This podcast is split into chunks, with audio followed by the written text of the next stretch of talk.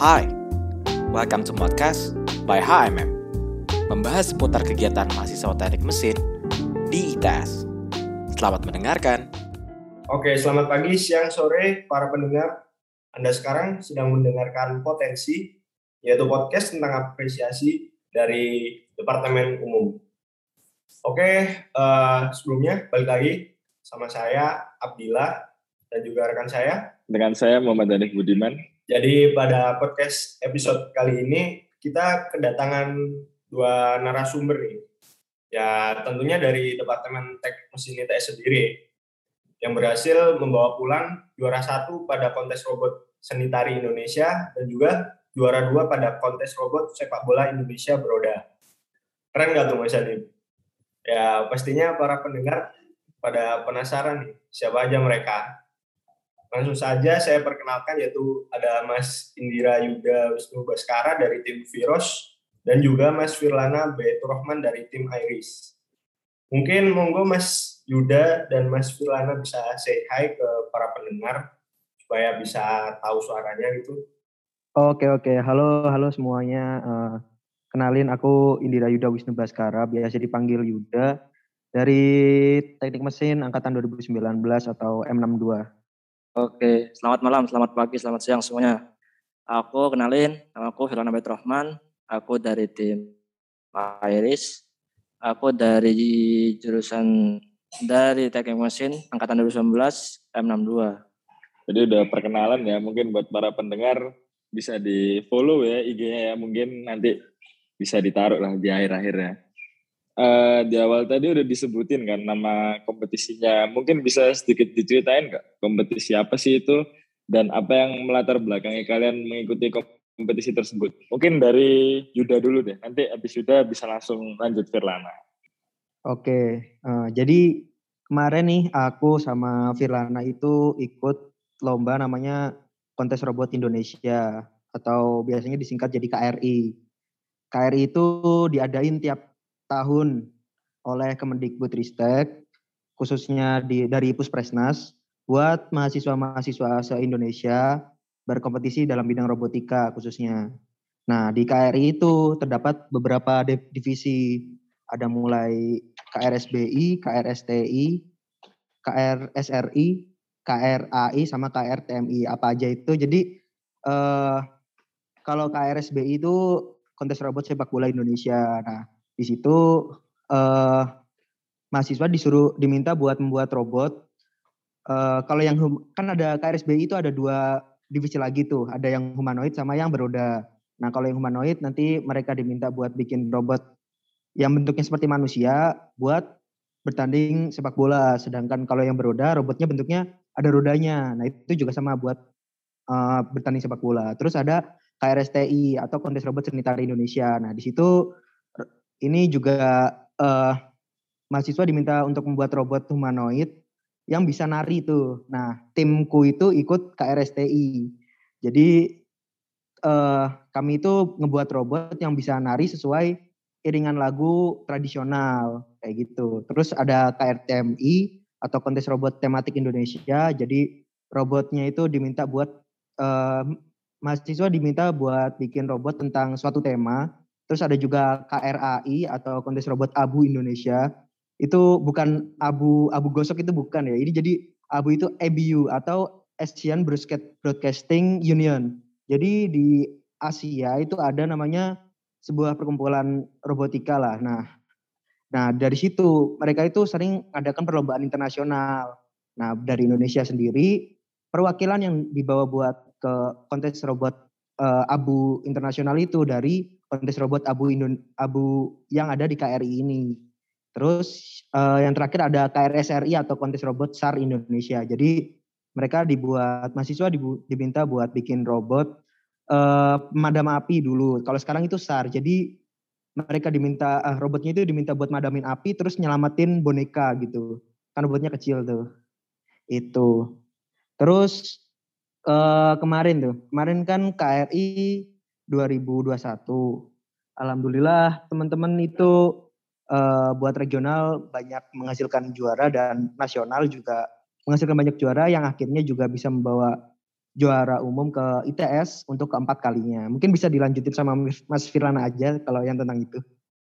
Mungkin aku lanjutin nambahin lah dari yang diceritain Yuda tentang KRI. Karena tadi Yuda udah jelasin panjang lebar. Mungkin aku mau jelasin juga tentang apa ya, tentang lombaku khususnya yaitu KRSBI Broda. Mulai dijelasin Yuda kalau lombaku itu robotnya buat main bola tapi robotnya itu beroda, ada rodanya, pakai roda gitu. Nah, di situ uh, alhamdulillah timku juara, meskipun belum juara satu, masih juara dua, tapi udah bersyukur banget karena di tahun ini uh, timku udah berjalan mulus, masih banyak cobanya di timku gitu.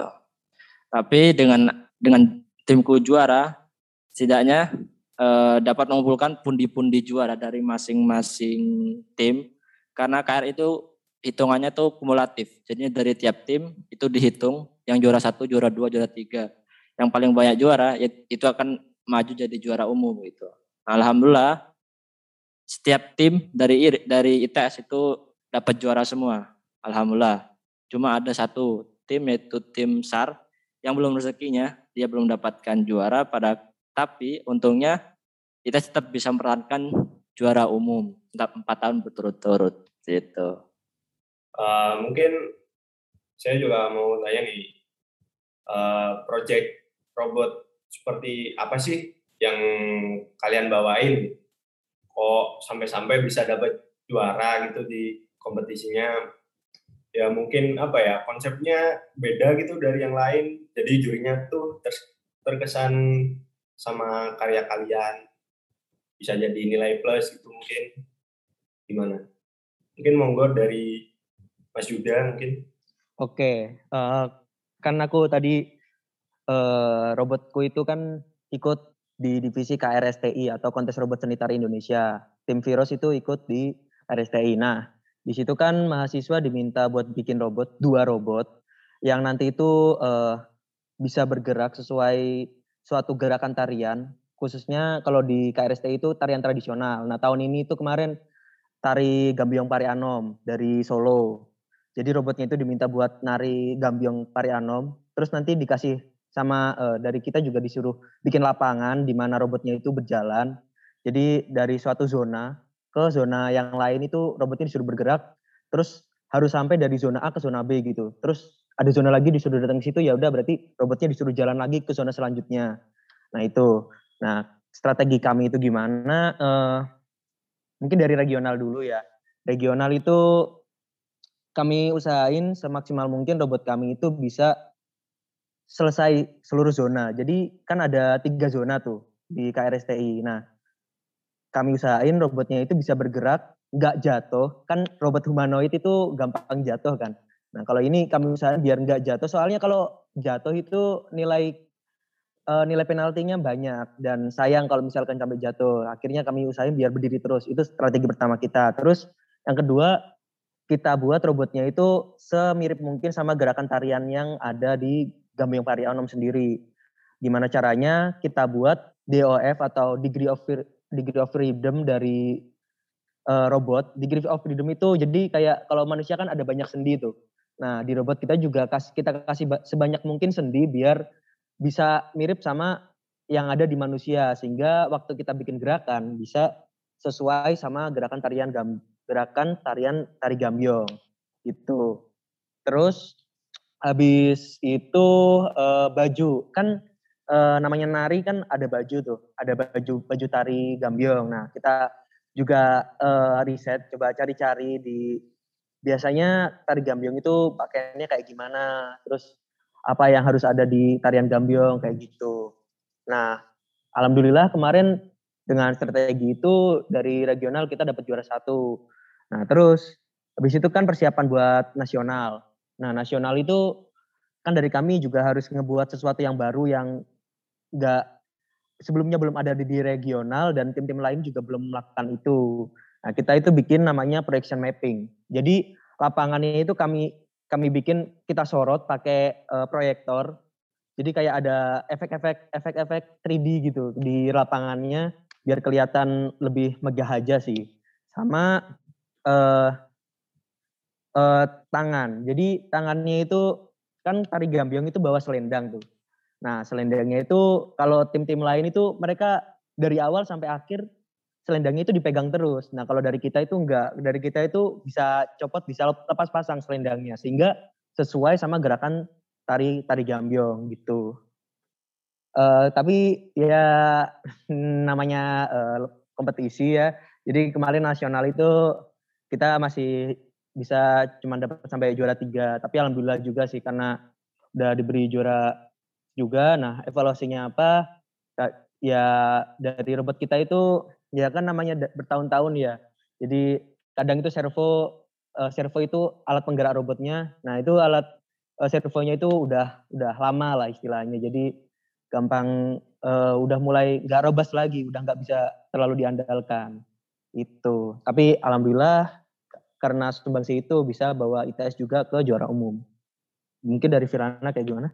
Kalau dari aku itu beda sama Yuda. Kalau Yuda kan lebih dilihat sama juri mungkin sistemnya itu ya penilainya. Kalau aku kan lomba aku itu kan lomba robot sepak bola. Jadinya tetap pakai konsep permainan sepak bola beneran gitu.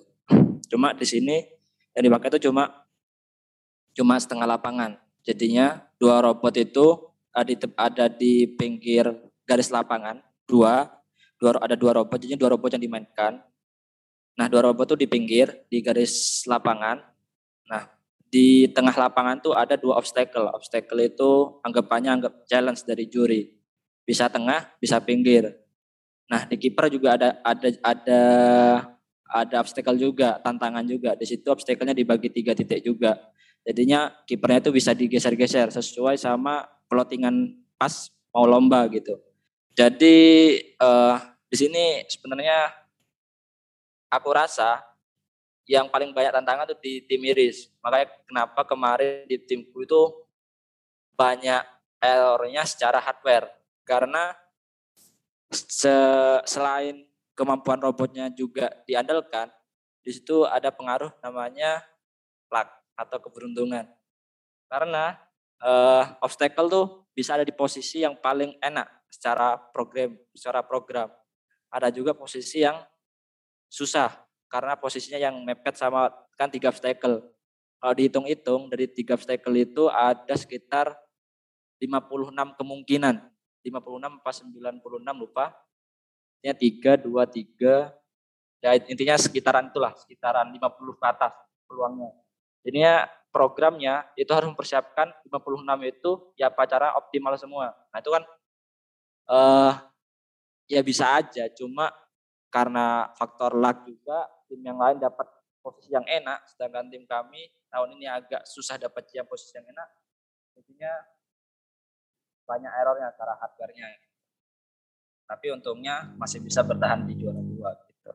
Jadi kalau di timku itu bukan faktor dari dilihat dari juri bagus atau enggaknya, luas atau enggaknya, tapi ya emang robotnya itu harus operannya antar antar robot kerjasamanya harus bagus gitu. Tendang antar robot harus pas, kalau enggak pas dia lepas, ada pengurangan nilai, dia nabrak obstacle, dia kena kena pengurangan nilai juga gitu. Jadi ya harus sempurna gitu. Kayak gitu sih. Oke, menarik sekali ya. Mungkin para pendengar mungkin masih bingung ya pasti kayak aturan-aturannya mungkin nanti bisa kita lebih lanjut ya nanti bisa langsung kontak apa Yuda sama Firlana uh, untuk sekarang mungkin pertanyaan dari aku ya. Uh, bagaimana sih proses penggarapan proyeknya maksudnya lebih ke teknisnya kayak pembuatannya terus persiapan apa aja yang diperluin? Mungkin dari Firlana dulu deh. Kalau secara pembuatan, secara teknisinya ya atau mekatroniknya ya, itu kebetulan di tahun ini, uh, ya aku juga nambahin kenapa kok kemarin banyak errornya juga karena timku sebenarnya itu pakai dua robot baru, dua robot baru, di mana robot satu itu masih belum optimal banget gitu. Tapi dari dosen pembimbingku, dari dosen pembimbingnya Iris, maunya punya prinsip kalau juara jangan juara yang biasa atau juara juara satu juara dua itu juara yang biasa gitu maunya itu juara tuh harus ada yang ditunjukkan ke tim lain gitu. Jadinya timku tuh buat di nasional itu pakai dua robot baru, di mana ada yang tahu tim lain tuh ada yang tahu, cuma surprise aja gitu. Di regional itu cuma satu robot baru.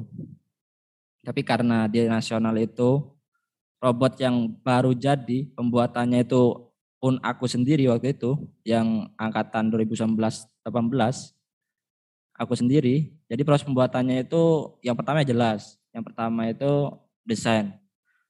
Pada saat desain udah jadi, itu eh, proses pembuatan manufakturnya, pembuatan base-nya, base 1, base 2, base 3, tempat elektroniknya gitu-gitu. Nah itu kita pakai biasanya ke ada tempat khusus langganan atau udah kenalan.